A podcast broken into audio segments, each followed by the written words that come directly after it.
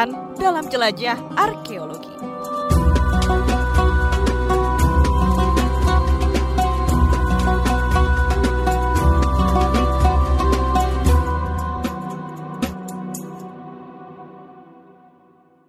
Assalamualaikum warahmatullahi wabarakatuh.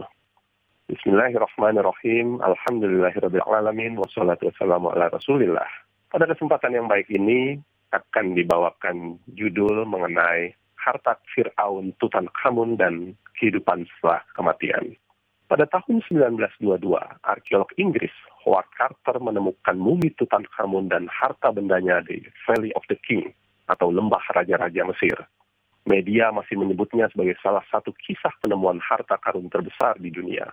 Fir'aun Tutankhamun kini dapat disebut sebagai tokoh simbol Mesir kuno. Banyaknya temuan membuat Carter mesti mencatat dan memotret selama tiga tahun. Setelah semua temuan dipindahkan, akhirnya ia menemukan mumi Tutankhamun.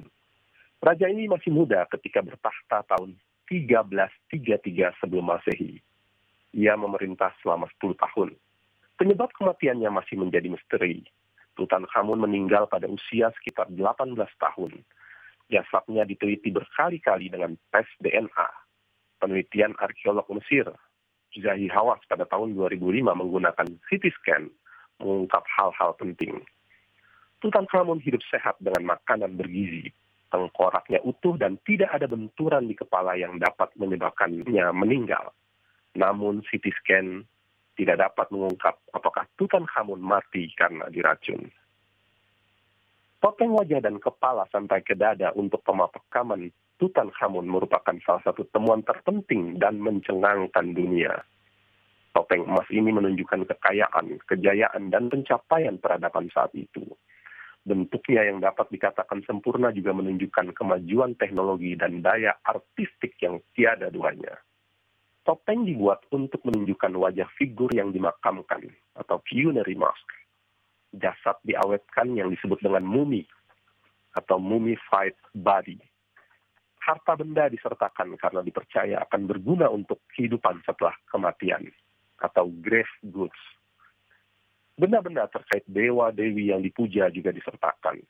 Semua upaya itu agar jiwa si mati pada kehidupan berikutnya dapat mengenali dan kembali lagi ke tubuhnya untuk dapat hidup di alam kematian atau konsep the afterlife concept. Hampir semua penemuan Carter itu kini tersaji di Egyptian Museum Cairo.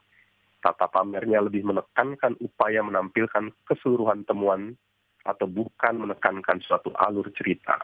Namun bagi pengunjung yang mengetahui the afterlife concept, ruangan di museum seakan seperti ruang kehidupan setelah kematian.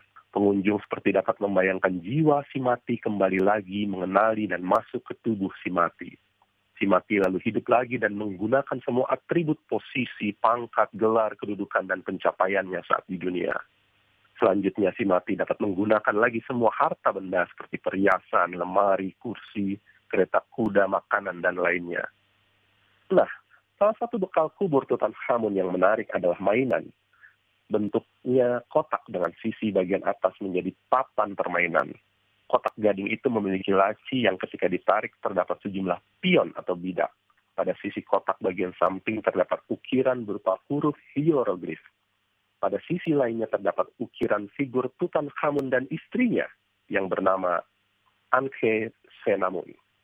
Tampaknya mainan itu dimaksudkan untuk digunakan lagi oleh pasangan tersebut di kehidupan setelah kematian.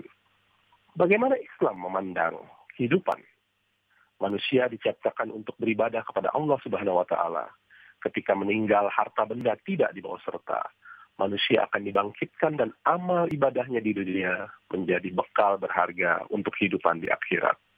Kehidupan di dunia berpotensi menjadi tempat permainan yang membuat manusia terlena. Dalam surat Al-Hadid, surat ke-57 ayat 20 Allah berfirman yang artinya, Ketahuilah, sesungguhnya kehidupan dunia itu hanyalah permainan dan senda gurauan, perhiasan dan saling berbangga di antara kamu serta berlomba dalam kekayaan dan anak keturunan, seperti hujan yang tanam tanamannya mengagumkan para petani. Kemudian tanaman itu menjadi kering dan kamu lihat warnanya kuning, kemudian menjadi hancur.